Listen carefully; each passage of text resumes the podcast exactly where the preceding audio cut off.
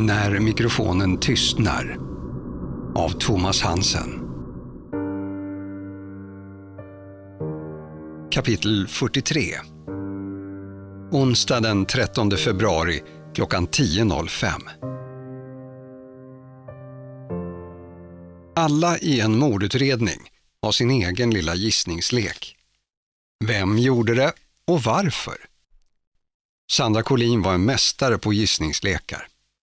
Oftast hade hon dessutom rätt, ansåg hon själv. Den åsikten hade inte någon statistiskt säkerställd grund, långt ifrån. Den här gången var hon övertygad om att Karl Nordsten hade ett finger med i spelet. En person som han försvinner inte bara spårlöst om man inte själv blivit utsatt för ett brott. Vilket det inte fanns något som tydde på, inte än i alla fall. Han kanske också låg någonstans med en blodig spade bredvid sig. Men var i så fall? Den frågan skulle sannolikt inte Alexander Jonsson kunna svara på, men säkert en hel del annat. Sandra hade ringt till kvällstidningens redaktion, presenterat sig som mordutredare och sagt att det gällde festivalmordet. Det dröjde inte många sekunder förrän hon hade den eftersökta journalisten i luren. Hon lyckades snabbt boka ett möte på redaktionen klockan tio. Nu var klockan fem över tio och Sandras puls var ohälsosamt hög.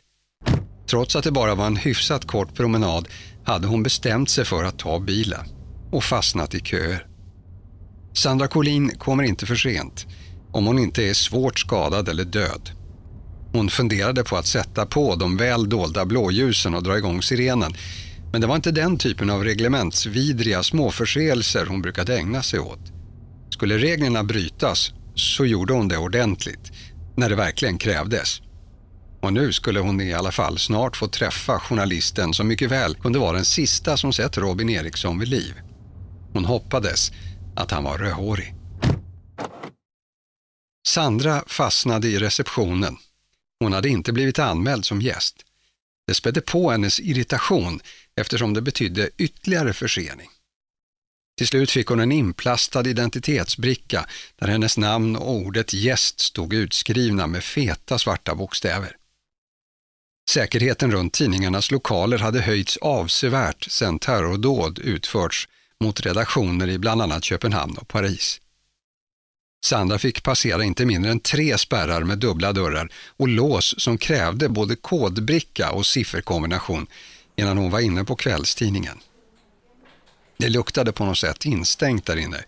Eller var det bara ett hjärnspöke som aktiverades av den fysiska instängdheten bakom alla låsta dörrar och okrossbart glas? Välkommen, sa Alexander Jonsson och sträckte fram en hand som skakade Sandras hårt. Han kände stark i nyporna. Kunde säkert slå ihjäl någon med en spade. Varför han nu skulle göra det som tack för att han fått sitt bästa skop någonsin. Offret måste ha varit värt sin vikt i guld för Alexander. Han hade för övrigt en väldigt udda frisyr, men röd var den inte. De slog sig ner i en grön soffa som var elegant formgiven, men så obekväm att den knappast var avsedd att sitta i. Du förstår förstås varför jag vill prata med dig, inledde Sandra. Alexander hade trott att de skulle visa en polisbricka först, men allt gick tydligen inte till som i filmerna. Jo, Robin Eriksson. Ja, du hämtade honom i Växjö. Kan du berätta hur det gick till? Ja, jo, alltså vi stod ju där vid polishuset. Vi? Ja, jag och ett par kollegor, ja eller konkurrenter. Men så skulle de gå och äta något och jag var inte hungrig så jag stannade. Och just då såg jag hur han kom ut från polishuset. Robin alltså. Ensam. Det tyckte jag var konstigt. Hur så? Ja, jag tänkte att han skulle ha med sig advokater och så. Eller egentligen inte komma ut alls. Trodde att han skulle sitta kvar i häktet. Journalistkillen verkade inte vara särskilt juridiskt kunnig eller så var han bara fast i kvällstidningstänket och letade alltid efter det ordval som lät mest sensationellt, oavsett om det stämde med verkligheten eller inte. Han var inte häktad eller ens anhållen, han blev bara förhörd, upplysningsvis. Jaha, sa Alexander lätt tilltufsad. Ja, han stod där i alla fall och såg vilsen ut så jag tänkte att det vore bra att prata med honom. Så jag gick fram till honom och frågade hur det var med honom. Och han sa bara att han ville åka hem. Han var liksom helt frånvarande. Så jag erbjöd mig att köra honom för då skulle jag ju få massa tid att prata med honom. Om man skulle ända till Stockholm alltså. Men han verkade inte särskilt pratsam. Kunde det inte ha räckt med några korta frågor? Ja, jag tog chansen. Och det blev ju bra. Ja, det beror på hur man ser det. Hur blev bilresan? Ja, först var han mest tyst. Vi satte på radion. Men sen började han prata mer och mer. Och till slut var det som om att vi var kompisar. Vi hade faktiskt riktigt trevligt. Men så kom han in på alla jobbiga saker och det blev värre och värre. Så jag körde och han bröt ihop, kan man väl säga. Och han gav dig allt du behövde. Mycket mer, svarade Alexander med nöjd ton. Jag kunde inte ens skriva allt. Vad skrev du inte då? Nej, det kan jag inte säga. Alexander, Robin är mördad, påpekade Sandra. Jo, men jag kan ju inte berätta om den då. Sandra undrade genast vilken tv-serie han hade fått det därifrån. Det var tydligt att han inte var kriminalreporter utan utsänd för att rapportera om artisters frisyrer. Det kan hjälpa oss att få fast hans mördare. Skulle inte det vara din bästa artikel någonsin när du satte fast en mördare? Han flinade brett. Jag tror inte att de sakerna skulle få fast någon, men jag kan inte avslöja det. Jag kan inte röja min källa. Får man lära sig på Journalisthögskolan att försvara varje rättighet i alla situationer? funderade Sandra. Din källa är ganska röjd. Och död. Ja, oavsett det så kan jag inte berätta mer än det som jag har skrivit. Då får jag be honom berätta det genom andra frågor istället, tänkte Sandra. Killen var ju trots allt bara journalist och inte politiker. Och hon var polis, utbildad i förhörsteknik och den ronden borde hon gå segrande ur, tyckte hon. När kom ni fram? Vid 23-tiden ungefär och sen satt vi kvar i bilen och snackade en bra stund till. Var släppte du av honom? Ja, där han bodde i Hässelby. Vid porten, vid hans hus? Nej, jag följde med honom upp faktiskt. Vi skulle ta några bilder. Just det, det hade inte Sandra reflekterat över tidigare. Bilderna i artikeln, de var alltså tagna inne i bostaden. Du var inne i lägenheten och fotograferade. Nej, jag tog bilderna i trapphuset. Har du fler bilder än de i tidningen? Jag hade tänkt ta fler och bättre bilder i lägenheten men jag kom aldrig så långt. Han flippade och började slåss. Det här var intressant. Nu gällde det att gå försiktigt fram. Sandra tittade rakt in i Alexanders ögon och var noga med att spana efter oväntade rörelser eller reaktioner som kunde avslöja eventuella lögner. Så ni slogs i trapphuset? Ja, det var väl mest han som slogs. Jag ramlade omkull på golvet och han gick in i lägenheten och smällde igen dörren. Så jag fick gå därifrån. Du var precis utanför dörren alltså? Ja. Spydde du? Ja, han slog mig i magen. Då hade spyan fått sin förklaring. Om Alexander Jonsson talade sanning. Vi behöver ett DNA-prov från dig. Varför då? Det lät inte som en fråga utan mer som ett ifrågasättande. Vi har prover från din spya. Vi behöver kunna utesluta att det kom från mördaren. Och jämföra med andra prover inifrån lägenheten där du påstår att du inte var, tänkte Sandra tyst för sig själv. Och sen gick du därifrån alltså? Ja. Låste Robin dörren efter sig? Det vet jag inte. Det tänkte jag inte på. Jag låg på golvet och spydde ju. Du ringde inte efteråt eller kände på dörren? Nej, jag gick. Ja, eller typ sprang. Sandra tackade för upplysningarna och bad Alexander att komma upp till polishuset senare på dagen för att bli topsad. Han accepterade rakt av, av oklar anledning. Hans referenser från amerikanska tv-serier hade kanske inte bäring i verkligheten trots allt. Sandra lämnade tidningshuset och fick återigen en magkänsla av att hon var på fel spår. Hon försökte rikta ett positivt tankeflöde mot magen, säga åt den att leta upp rätt spår. Men magen svarade med ett ynka läte. och Sandra vände genast tillbaka mot en lockande kafeteria som låg precis bredvid tidningens reception. Den hade rabatt på bulle och kaffe, men inga erbjudanden för tedrickare. Sandra suckade och beställde en kopp te och en ostfralla till samma pris som en femrättersmiddag i Thailand. Ett poddtips från Podplay. I fallen jag aldrig glömmer djupdyker Hasse Aro i arbetet bakom några av Sveriges mest uppseendeväckande brottsutredningar. Går vi in med hemlig telefonavlyssning och, och då upplever vi att vi får en total förändring av hans beteende. Vad är det som händer nu? Vem är det som läcker? Och så säger han att jag är kriminell, jag har varit kriminell i hela mitt liv men att mörda ett barn, där går min gräns. Nya säsongen av Fallen jag aldrig glömmer på Podplay.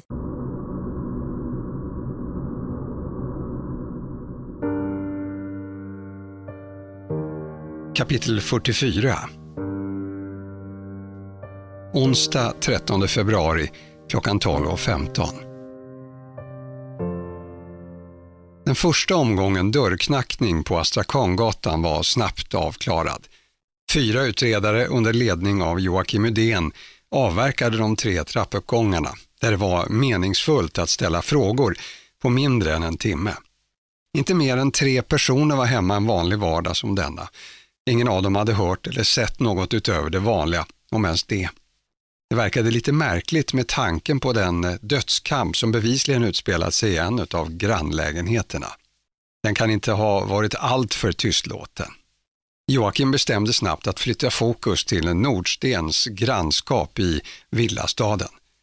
Där fanns fler att prata med. Bland annat några som hade sina kontor hemma och därför kunde stå till tjänst trots att de var i tjänst. Särskilt tjänstvilliga var de dock inte. Eh, flera var bestörta av det som hänt på deras gata och hade föredragit att hela händelsen gick upp i atomer. Sett något hade de absolut inte. Hur skulle det för övrigt ha gått till? Man gick ju inte och spanade på grannarnas privata aktiviteter. En kvinna berättade att hon och hennes man umgåtts med paret Nordsten vid några tillfällen och att hon var helt oförstående inför den sorgliga händelseutveckling som ägt rum under de gångna dagarna. Hon sa faktiskt just exakt så, vilket fick Joakim att höja på ögonbrynen och undra om damen gått och väntat på att någon skulle komma och fråga och därför förberett ett så elegant svar. Hur fint det än var skulle det inte att komma till nytta i utredningen.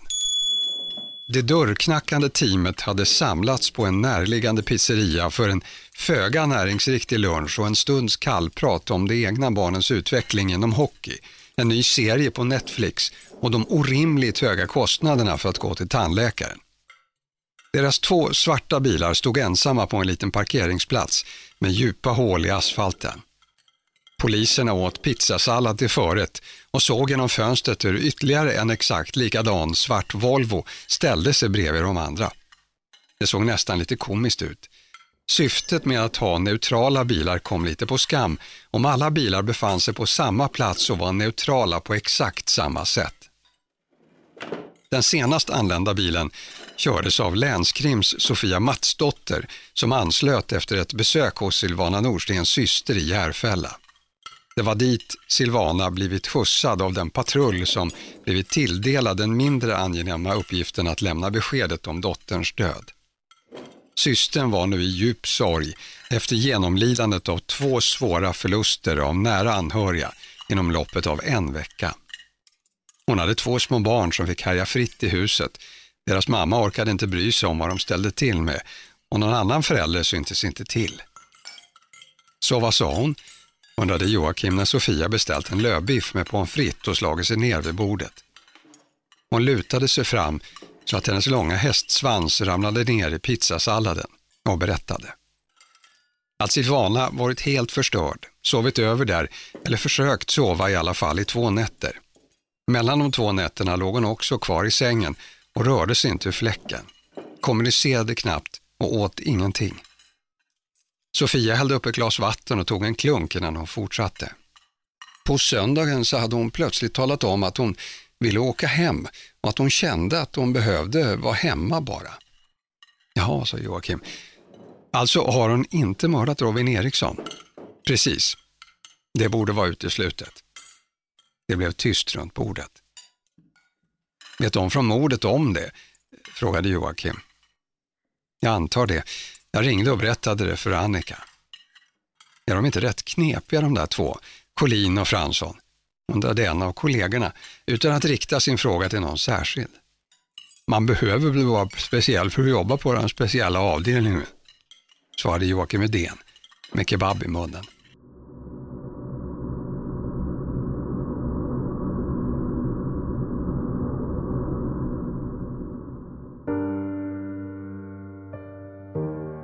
Kapitel 45 Onsdag 13 februari klockan 13.30. Visserligen var Sandra och Fransson halvt utlånade till länskrim, men de satt oftast kvar i sina vanliga arbetsrum på mordet. Sandra var sysselsatt med att renskriva sina anteckningar från samtalet med journalisten Alexander Jonsson. Hon passade på att skissa upp ett tidsschema för Silvana Nordstens sista tre dygn i livet. Det var en sorglig historia som Sandra tecknade. Verkligen en brant nedåtgående formkurva. Efter uppgifterna om Silvanas vistelse hos systern så var det uteslutet att hon kunde ha mördat Robin Eriksson. Det hade Sandra för övrigt själv uteslutit för länge sedan. Åtminstone var det så hon tänkte nu när hon hade fakta på bordet. Däremot så kände Sandra mer och mer att ett självmord var troligt när hon såg tidslinjen framför sig. Silvanas sorg som tog över mer och mer och beslutsamheten när hon hastigt lämnar systern, allt det kunde vara en ond spiral som slutade med det mest definitiva avslut som finns, att släcka sitt eget liv. Fransson kom inrusande på hennes rum med en hastighet som hon aldrig tidigare sett hans kropp färdas i. Hon måste ha sett rädd ut när hon tittade upp på honom, för hans första ord var ”Oj, förlåt”. Har du hittat något? Undrade Sandra och kände sig säker på svaret. Under lunchen fick jag svar både från Telia, Telenor och Swedbank, så jag har fått data om Karl Nordsten, Alicia Nordsten och telefoninformationen om Robin Eriksson. Det enda som saknas är bankinformationen om honom, för han hade Handelsbanken och de har inte svarat än. Okej, okay, okej, okay. säg vad du vet. Sandra försökte skynda på honom. Jag har inte hunnit gå igenom allt, det är jättemycket data, men det intressanta är Karl Nordsten, för det är väldigt lite information. Du menar att han är död? frågade Sandra snabbt. Nej, absolut inte, men han vill kanske verka det. Vad menar du? Han har varit försvunnen i fem dygn nu och på den tiden så har han använt sitt bankkort två gånger. Först i fredags klockan 17.47 och sen i fredags klockan 17.48. Sandra kastade ett öga på datorskärmen där en liten ruta längst ner till höger påminde henne om att det var onsdag. Båda gångerna var det förstås på samma ställe, fortsatte Fransson. Circle K i Gnesta. Den första debiteringen är på 1847 kronor och den andra är på 500. Och vad betyder det? undrade Sandra. En rent retorisk fråga förstås. Jag tycker vi ska kolla med bensinmacken. Men min gissning är att de inte vill ge ut mer än 500 kronor i kontanter, att de har någon spärr för det. Så han har tankat, köpt lite annat för 1347 kronor och tagit ut 500 kronor i kontanter.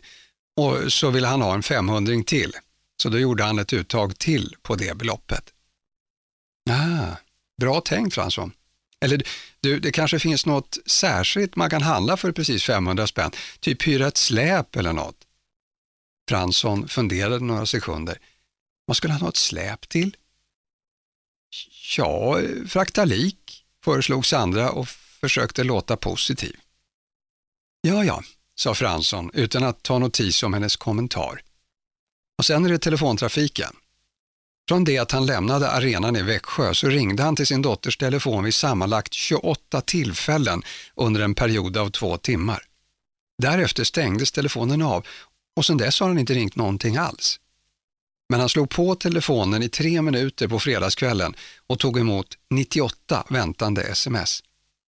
Han använde 47 megabyte data också, så han kan ha tagit emot andra meddelanden som var i iMessage, WhatsApp eller sånt. Och så mail förstås. Ganska mycket, om det var 47 megabyte ren text. Men det kan ju ha varit bilagor och bilder. Man hinner ändå inte läsa 98 sms och en massa annat om man bara har telefonen på i tre minuter, påpekade Sandra. Ja, det är sant, sa Fransson nickande. Förmodligen så var det något speciellt han var ute efter att ta emot. Eller så ville han skicka iväg något själv och då råkade allt väntande eh, rassla in. Eller kanske slog han på flygläge så han kunde fortsätta läsa men telefonen gav sken av att vara avstängd. Okej, okay, sa Sandra och slog ihop händerna. Vad säger allt det här dig? Vänta, det är mer. Säg det då, tänkte Sandra. Säg det snabbt. Jag har information om vilka master han har varit uppkopplade mot när han har haft telefonen igång. Under de två timmarna mitt på fredagen så flyttar han sig hela tiden. Man kan följa honom via hopp från den ena masten till den andra hela vägen ifrån Växjö till Jönköping och vidare upp längs E4 till Linköping. Sen är det dött. Då stänger han av telefonen. Från Växjö till Linköping på två timmar betyder för övrigt att han har gasat på rejält och då har han ändå lyckats ringa 28 gånger. Jag har inte fått intrycket att han är en särskilt lugn person. Nej, och efter det så har telefonen varit avstängd i princip hela tiden. Den enda ytterligare aktiviteten på abonnemanget är på fredagskvällen klockan 18.52 fram till 18.55. Då befinner han sig i närheten av en mast vid sjön Klämmingen, en liten bit norr om Gnesta. Om man kommer på E4 söderifrån och ska till det området så passerar man Gnesta. Och jag gissar att han var på väg dit eftersom vi vet att han var där en timme tidigare också. Sandra var där och skuttade upp från bordet och föreslår en high five. Strålande jobbat! Fan vad bra! Jag antar att du inte vet vad han skulle göra där också?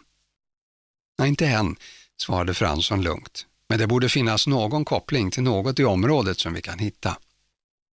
Om någon kan så är det du. Spring! ropade Sandra. Fransson log faktiskt och gick långsamt tillbaka till sitt rum. Sandra funderade vidare på Karl Nordsten. Hon hade tänkt på honom som kapabel att döda sitt eget barn. Då borde den rimliga slutsatsen vara att han kunnat döda både sin fru och sin dotters pojkvän. Särskilt om man var övertygad om att det var pojkvännen som dödat dottern. Valfri tidning kunde ha pekat honom i den riktningen. Konsekvensen av att Silvana Nordsten inte kunde vara skyldig till mordet på Robin Eriksson gjorde dessutom att Karl Nordsten blev ännu mer sannolik som förövare. Att mordet utförts med spade som vapen gjorde att hämnd var nästan självskrivet som motiv. Såvida den som slagit ihjäl Robin inte varit finurlig nog att använda en spade just för att få utredarna att tänka på hämnd som det enda möjliga motivet och därmed leda misstankarna bort från sig själv. Det skulle bli nödvändigt att kartlägga Robins liv vid sidan av förhållandet med Alicia. Hon hann inte bli klar med sina anteckningar och listan över spaningsuppslag innan Fransson återigen stod i hennes dörröppning och denna gång något mindre andfådd men ändå uppenbart angelägen om att dela med sig av något. Ut med det bara, uppmanade Sandra. Jo, jag fick för mig att kolla en grej. Vi har ju letat efter ställen där Karl Nordsten kunde hålla sig undan. Ett sommarställe till exempel. Ja, det tänkte jag att alla sådana familjer har, ett ställe i skärgården till exempel. Men Silvana sa att hon inte hade någon aning om var han kunde befinna sig, så då borde det inte finnas något sådant ställe. Och det gjorde det ju inte heller. Fast det gjorde det. Men vi hittade det inte. Det står nämligen inte skrivet på dem. Men Alicia Nordsten ägde ett ställe. De hade skrivit över det på dottern, säkert av något skattetekniskt skäl. Och det var därför vi inte hittade det. Smart. Var ligger det? Utanför Gnesta. Nu var det något som poppade till inuti Sandra. Hon nästan hoppade till i sin stol. Men helvete, hit med adressen, vi kollar upp det direkt.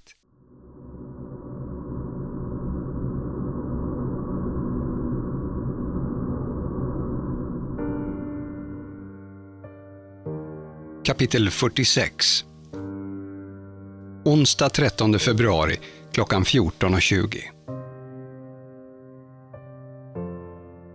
Det hade varit dumt av Sandra att åka till Gnesta själv.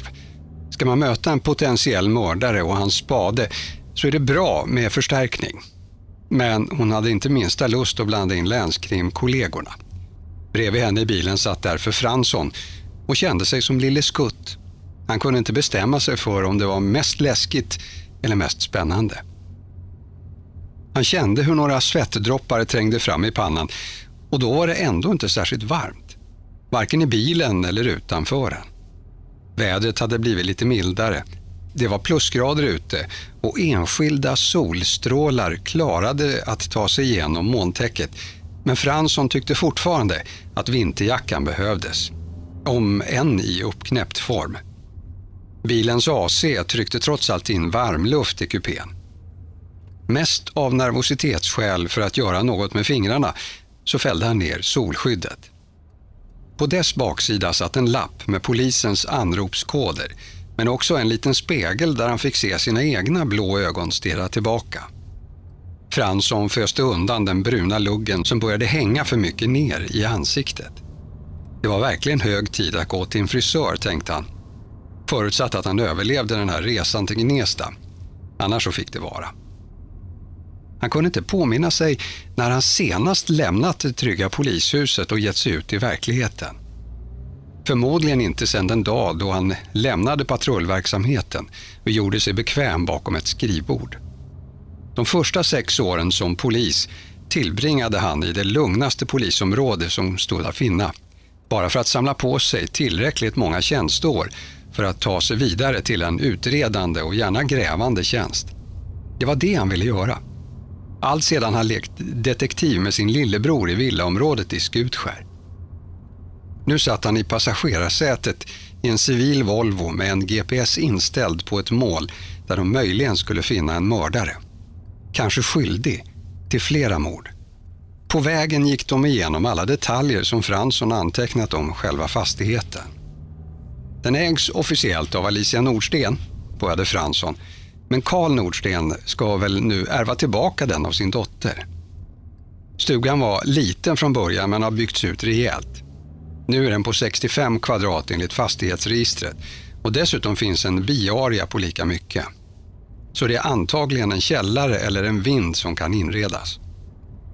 Varför räknas inte den som boyta då? undrade Sandra som inte ens reflekterat över att allt inte räknades in, så som i hennes lägenhet som var exakt 59 kvadrat, varken mer eller mindre. Det kan bero på att det är någon centimeter för lågt i tak till exempel, eller något annat som gör att det inte klassas som människovärdigt, svarade Fransson. Sandra undrade om han skojade eller var allvarlig och i så fall hur han kunde veta allt detta. Han hade väl aldrig heller bott på annat sätt än i en ungkarlslya. Men hon frågade inte. Så Fransson fortsatte att dela med sig av sina kunskaper. Med de definitionerna så fanns det i princip inget beboeligt utrymme alls i konungariket Sverige före 1900-talet. Sandra avbröt honom snabbt med en fråga om husets omgivningar. Att döma av satellitbilderna så ligger det ganska ensligt, svarade Fransson. Det skulle inte vara svårt att vistas där obemärkt, särskilt inte vid den här tiden på året. Det skulle förstås kräva lite proviantering. Det kanske var därför han handlade en massa saker på bensinmacken. Huset var troligtvis utrustat med alla bekvämligheter som behövdes i övrigt, tänkte Sandra. Hon kunde svårligen föreställa sig att familjen Nordstens sommarställe var av typen med utedass och hinkar som man hämtade vatten i. De svängde av E4 vid Järna och färdades via öppna fält och skogsområden vidare mot Gnesta. Volvons GPS dirigerade dem mot Norrtuna och efter några kilometer så nådde de en mindre avtagsväg som kartan tyckte var lämplig att färdas på. I verkligheten var det mer tveksamt, särskilt med tanke på den bastanta bom som blockerade vägen. Sandra bromsade in, stannade till och backade in mot bommen. Där stängde hon av motorn och meddelade Fransson sina avsikter. Jag går ner och kollar om det verkar vara någon där. Om det står en bil där, eller lyser en lampa eller, eller vad som helst, vänta på mig här och ring inte. Men om du inte hört något ifrån mig om tio minuter så får du ringa efter förstärkning. Och gärna följa efter förresten, men eh, försiktigt. Fransson såg tveksam ut. Det kommer ju alltså inte hända, men jag säger bara om, förtydligade hon. Sandra stängde bildörren efter sig utan att vänta på svar. Kontrollerade vapnets placering i hölstret och att telefonen låg i fickan och inte hade för dålig täckning eller batterinivå. Sen gick hon raskt runt bommen och fortsatte framåt på grusvägen in mot skogen. Fransson tittade på klockan och försökte lugna ner sig med ett djupt andetag och en ännu djupare suck. Efter en minut bestämde han sig för att flytta över till förarsätet om det skulle bli nödvändigt att åka därifrån väldigt snabbt.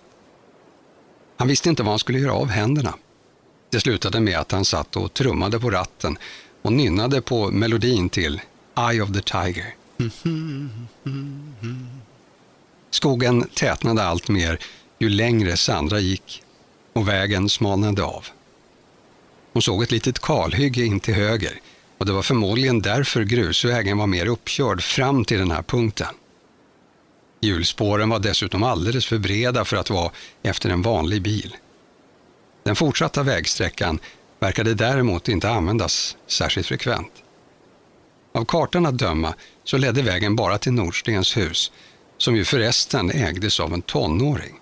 Så då hade väl vägen bara brukats med cykel, ja eller möjligen moped, tänkte Sandra ironiskt och flinade lite åt sig själv. Hon tyckte att hon hörde något inifrån skogen och stannade till. Det kunde förstås vara en fågel, grävling, älg, vad som helst. Hon påminde sig om att hon sett ett jakttorn där de svängde av, så det borde finnas en del vilt i området. Hon tog upp satellitbilden på telefonen och väntade på att den lilla blå plutten skulle bestämma sig för exakt var hon var. Det var inte långt kvar till huset. Kanske var det bäst att gå genom skogen, den minst förväntade ankomstvägen för den som möjligen inte ville ha besök. Granarna stod tätt, men det var inga problem att närma sig den förväxta stugan från ett annat håll än den där den lilla vägen slingrade sig fram till den öppna gräsplätten framför huset. Sandra tryckte undan ett par grenar för att kunna ta sig fram. Hon gick ytterligare några steg. Hon stannade sen upp för att återigen kontrollera sin position med hjälp av telefonen. Om den hade rätt så skulle det bara vara några meter kvar tills hon var framme vid den lilla trädgården. Ändå såg hon ingenting av huset. Här var vegetationen kompakt. Hon pressade sig förbi något träd som inte var en gran utan något annat barrigt. Hon stack fram en hand och vek försiktigt undan en gren, noga med att röra sig så ljudlöst som möjligt. Nu kunde hon titta in på tomten och huset som låg i en slänt. Kanske fanns Karl Nordsten bara några meter ifrån henne nu. Mycket tydde trots allt på det. Sandra lät ögonen vandra över huset. Grunden var grå, cementerad. Resten av byggnaden var klädd i brunmålat trä. Den såg ut att ha en huvudvåning och en sorts källare som gick in under huset, delvis innesluten i sluttningen. Högst där uppe låg en veranda, till största delen byggd ovanpå en bergsklippa, som var lite för platt för att vara helt naturlig. Vid grunden stod en stor vattentunna som uppenbart var utplacerad för att samla regnvatten. Den var fylld ända upp till kanten där ett istäcke låg orört. Sandra kunde inte se någon bil. Inte heller något tecken på att någon var där eller hade varit där. Efter ytterligare ett framåtkliv kunde hon se hela tomten, förutom det som skymdes av huset från den vinkel där hon stod. Det fanns ett litet uthus, eller snarare skjul, vid ena sidan. Bredvid det en liten byggnad som förmodligen var ett utedass, gissningsvis en rest från förr, tänkte Sandra. Det var det utsågade lilla hjärtat i dörren som ledde hennes tankar i den riktningen. Hon närmade sig huset snett bakifrån och från en position där hon tittade ner på tomten. Efter att ha klivit ut ur skogspartiet stod hon på en öppen plan. Här brukade familjen uppenbarligen klippa gräset på sommaren, Det var ganska högt som det hade lämnats efter den förra säsongen, men det fanns en skarp gräns till ännu högre växtlighet. Inga spår av att någon trampat runt i gräset. Frosttäcket låg oförstört, även om plusgraderna som nu kommit och solen som skinit tidigare under dagen gjorde att det fanns större partier där gräset mest såg blött ut. Sandra gick fram till huset och kikade in genom ett av fönstren på övervåningen som var själva boendedelen. Hon såg ett fint inrett fritidshus ungefär i samma stil som familjens hus i Hässelby villastad. Det hon hade framför sig var vardagsrummet med en elegant kamin i ena hörnet och alla moderniteter man kunde önska sig. Även här fanns lyxiga fåtöljer, en platt-tv på väggen och en matplats med sex stolar. Bordet var tomt. Allt såg ut att vara urstädat för vintern. Plötsligt knäppte något till och började surra. Sandra ryckte till och kände att pulsen ökade. Hon tittade sig snabbt omkring och lät sedan blicken vandra längs husets långvägg. Det såg ut att sitta en utomhusdel tillhörande en luftvärmepump längst bort vid andra sidan. Ja, det måste ha varit den som gick igång.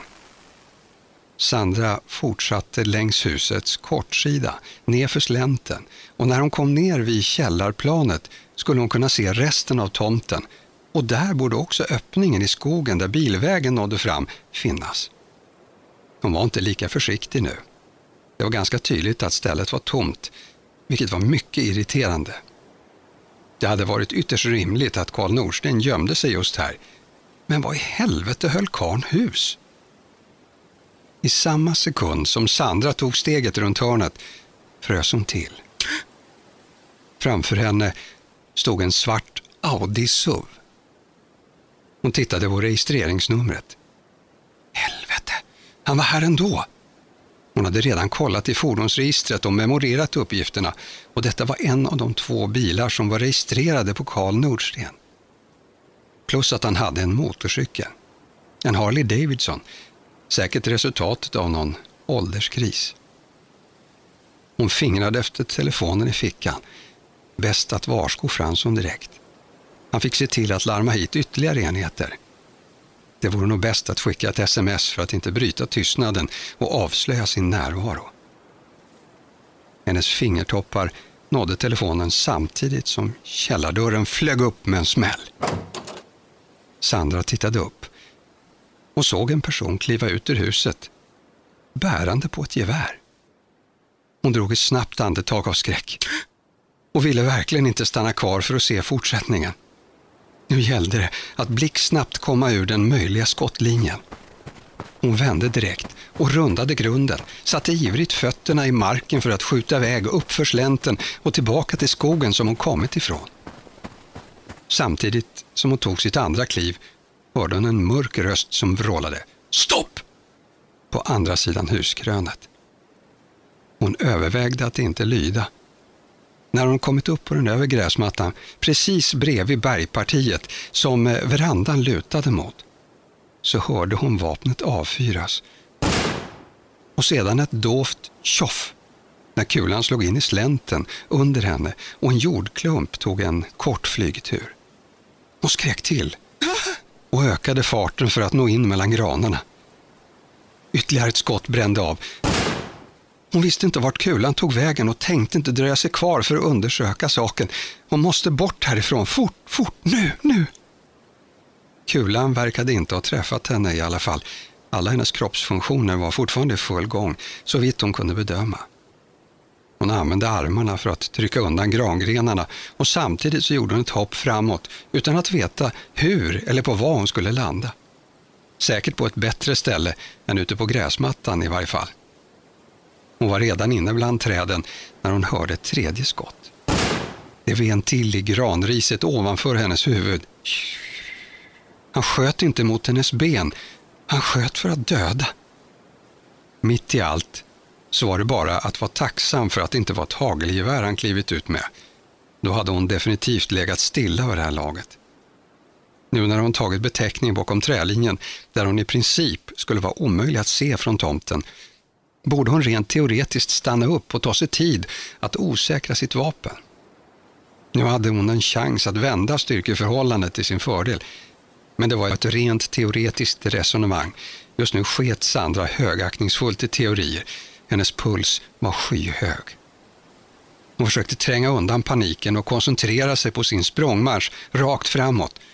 Hon måste förflytta sig så snabbt det bara gick, men helst ljudlöst och definitivt utan att röra sig så hastigt att hon skulle riskera att skada sig och falla. Hon visste inte exakt vilken väg hon tagit genom skogen på väg till huset, så hon kunde inte vara säker på att ta samma väg därifrån. Men huvudsaken just nu var att komma så långt bort som möjligt, så snabbt som möjligt. Fick man välja så var det förstås bäst att undvika en skottväxling. Hon hade inte sprungit så snabbt i hela sitt liv, inte ens på plan mark och utan att pressa sig igenom en tätvuxen granskog. Det var som om hon dök framåt genom skogen, konstant framåtlutad. Kvistarna som piskade henne i ansiktet ignorerade hon helt. Hon kände knappt pinnen som stack henne i huvudet och rispade upp ett sår i hårbotten. För hon märkte att delar av hennes hästsvans samtidigt rivits ur snodden så att hon fick hår hängande över halva ansiktet. Hon hörde inget ytterligare skott, men det var verkligen ingen garanti för att faran var över. Han hade kanske inte så många patroner utan koncentrerade sig på att springa efter henne och komma så nära som möjligt innan han sköt igen. Tårar trängde upp i hennes ögon, tårar av skräck och förtvivlan. Kanske kände Karl Nordsten varenda träd i den här skogen. Kanske visste han precis vilken väg hon skulle ta och kunde genskjuta henne och stå där med sitt vapen och vänta när hon sprang rakt på honom. Det var ju ett jaktområde. Klart som fan att han hade vapen i stugan. Hur dum kunde hon vara? Hur många minuter hade gått? Skulle hon kunna ringa utan att bli upptäckt? Eller skulle hon hoppas på att Fransson har något oråd och slagit larm? Det var inte sannolikt att han skulle slänga på sig en skottsäker väst och springa för att undsätta henne. Men så fort han insåg vilken situation hon hamnat i skulle han naturligtvis ringa och begära all hjälp som fanns tillgänglig. Tyvärr var polisstationen i Gnesta av den sort som var öppen några timmar i veckan. Sannolikheten att dessa timmar inföll just nu var liten. Och även om den skulle vara öppen så var den troligtvis inte bemannad med någon insatsstyrka utan snarare en ensam civilpersonal som pliktskyldigt tog emot anmälningar om cykelstölder som aldrig skulle redas ut. Hon stannade upp och som av en reflex passade hon på att dra sitt vapen. Nu visste hon inte riktigt var hon var. Hon hann knappt se sig omkring medan hon sprang, men det var ändå bara skog överallt. Överraskningen var den stora faran. Om hon bara visste att han skulle komma så hade hon övertaget. Just därför var det bättre att ta det något lugnare för att få koll på varifrån han kom, om han nu gjorde det. Om hon höll sig stilla så borde hon höra honom, men begäret att springa därifrån var för starkt. Det är möjligt att han var en erfaren jägare, men hon hade bra vapenutbildning och hade tränat på situationer som den här. Hon visste inte åt vilket håll hon skulle springa. Men skit i det, bara hon kom bort ifrån den akuta faran innan orken tog slut, eller hon blev träffad av en kula. Blev hon det skulle hon fortsätta springa ändå, så länge kroppen hade någon kraft kvar. Att stanna och försöka diskutera med Karl Nordsten var definitivt ingen idé. Mannen var komplett galen och hade förmodligen mördat både sin hustru och sin dotters pojkvän. Fan vet om han inte hade mördat dottern också. Han hade förmodligen snott den där bussen och övertalat bussföraren att berätta en märklig historia när sanningen om krocken väl kommit fram. Otroligt så mycket man hinner tänka på så kort tid, tänkte Sandra. Hur lång tid hade egentligen gått förresten? Det började kännas som en evighet. Plötsligt såg hon vägen, den smala som gick genom skogen från kalhygget fram till stugan. Det kändes tryggare nu när hon stod på den. Två sekunders stillhet. Det enda hon hörde var sina egna, ansträngda andetag. Karl Nordsten var i alla fall inte i hennes omedelbara närhet och han var inte på den del av vägen som hon kunde överblicka. Frågan var bara åt vilket håll hon skulle komma ut till bilen åt vilket håll hon skulle komma direkt tillbaka till lejonets kula. Hon hade verkligen ingen aning och kände sig mer rådvill än någonsin tidigare. En superkort överläggning med sig själv. Var det vettigt att ta upp telefonen och klicka fram kartan igen?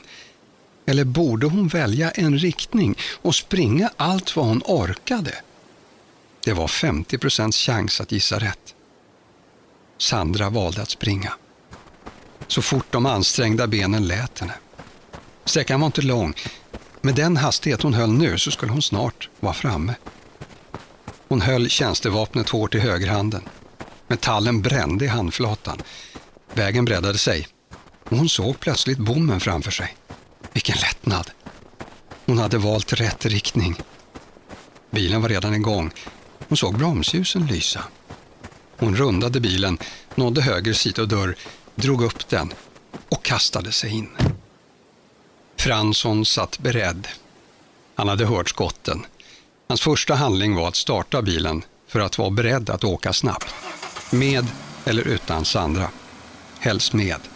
Hans andra handling var att ringa in larmet. Skott avfyrade, kollega i fara. Han lämnade adressen och avslutade snabbt samtalet ifall Sandra skulle vilja ringa honom. Han kände den största lättnaden i hela sitt liv när han såg henne i backspegeln springande på väg mot bilen. Fram till den punkten hade hon lika gärna kunnat bli skjuten. Blotta tanken på det fick Fransson att nästan börja gråta men han svalde hårt och tryckte bort tårarna. Om Sandra kom springande måste han vara i stånd att köra därifrån, snabbt och säkert. När hon slängts in i passagerarsätet väntade han inte på att hon skulle stänga dörren.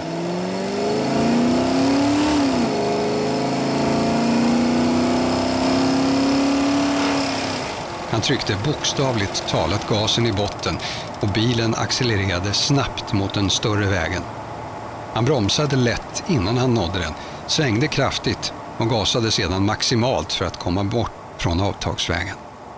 Tack, ropade Sandra andfått med adrenalinet pumpande i hela kroppen. Hon kunde knappt tro att hon hade lyckats undkomma. Tre skott rakt emot henne och sen en jakt genom skogen bort från den dödliga faran. Eller åtminstone trodde hon att det varit så. Kanske hade Karl Nordsten aldrig följt efter henne.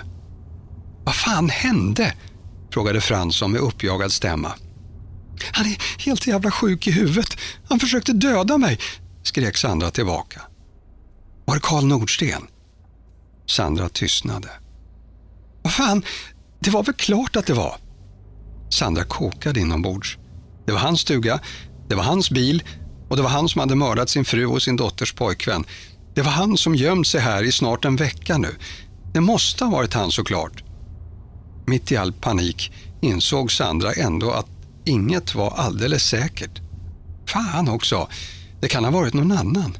Någon som har tillfångatagit Karl Nordsten till exempel. Någon annan som ligger bakom allt annat också. Sandra pustade ut och tittade ut genom fönstret på träden som for förbi. Jag tror att det var han, svarade hon mer försiktigt än tidigare. M men jag såg honom bara snett bakifrån. De nådde snabbt Gnesta, bara ett stenkast bort och man är väldigt duktig på att kasta sten.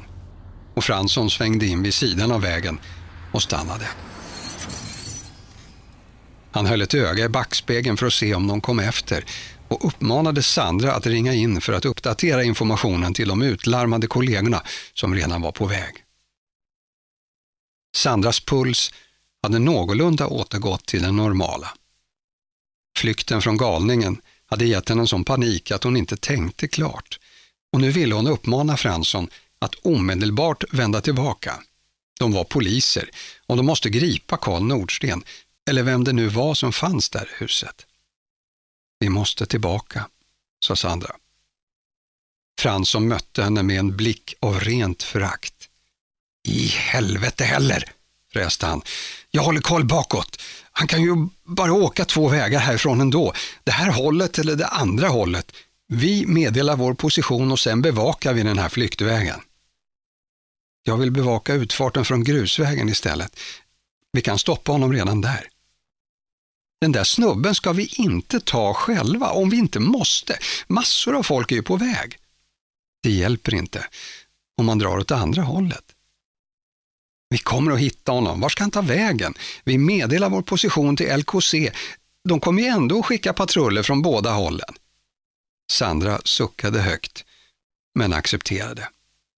Hon visste att Fransson hade rätt.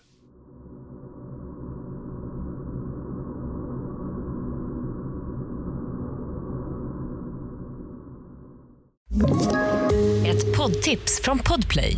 I fallen jag aldrig glömmer djupdyker Hasse Aro i arbetet bakom några av Sveriges mest uppseendeväckande brottsutredningar. Går vi in med hemlig telefonavlyssning och, och då upplever vi att vi får en total förändring av hans beteende. Vad är det som händer nu? Vem är det som läcker? Och så säger han att jag är kriminell, jag har varit kriminell i hela mitt liv men att mörda ett barn, där går min gräns. Nya säsongen av Fallen jag aldrig glömmer på Podplay.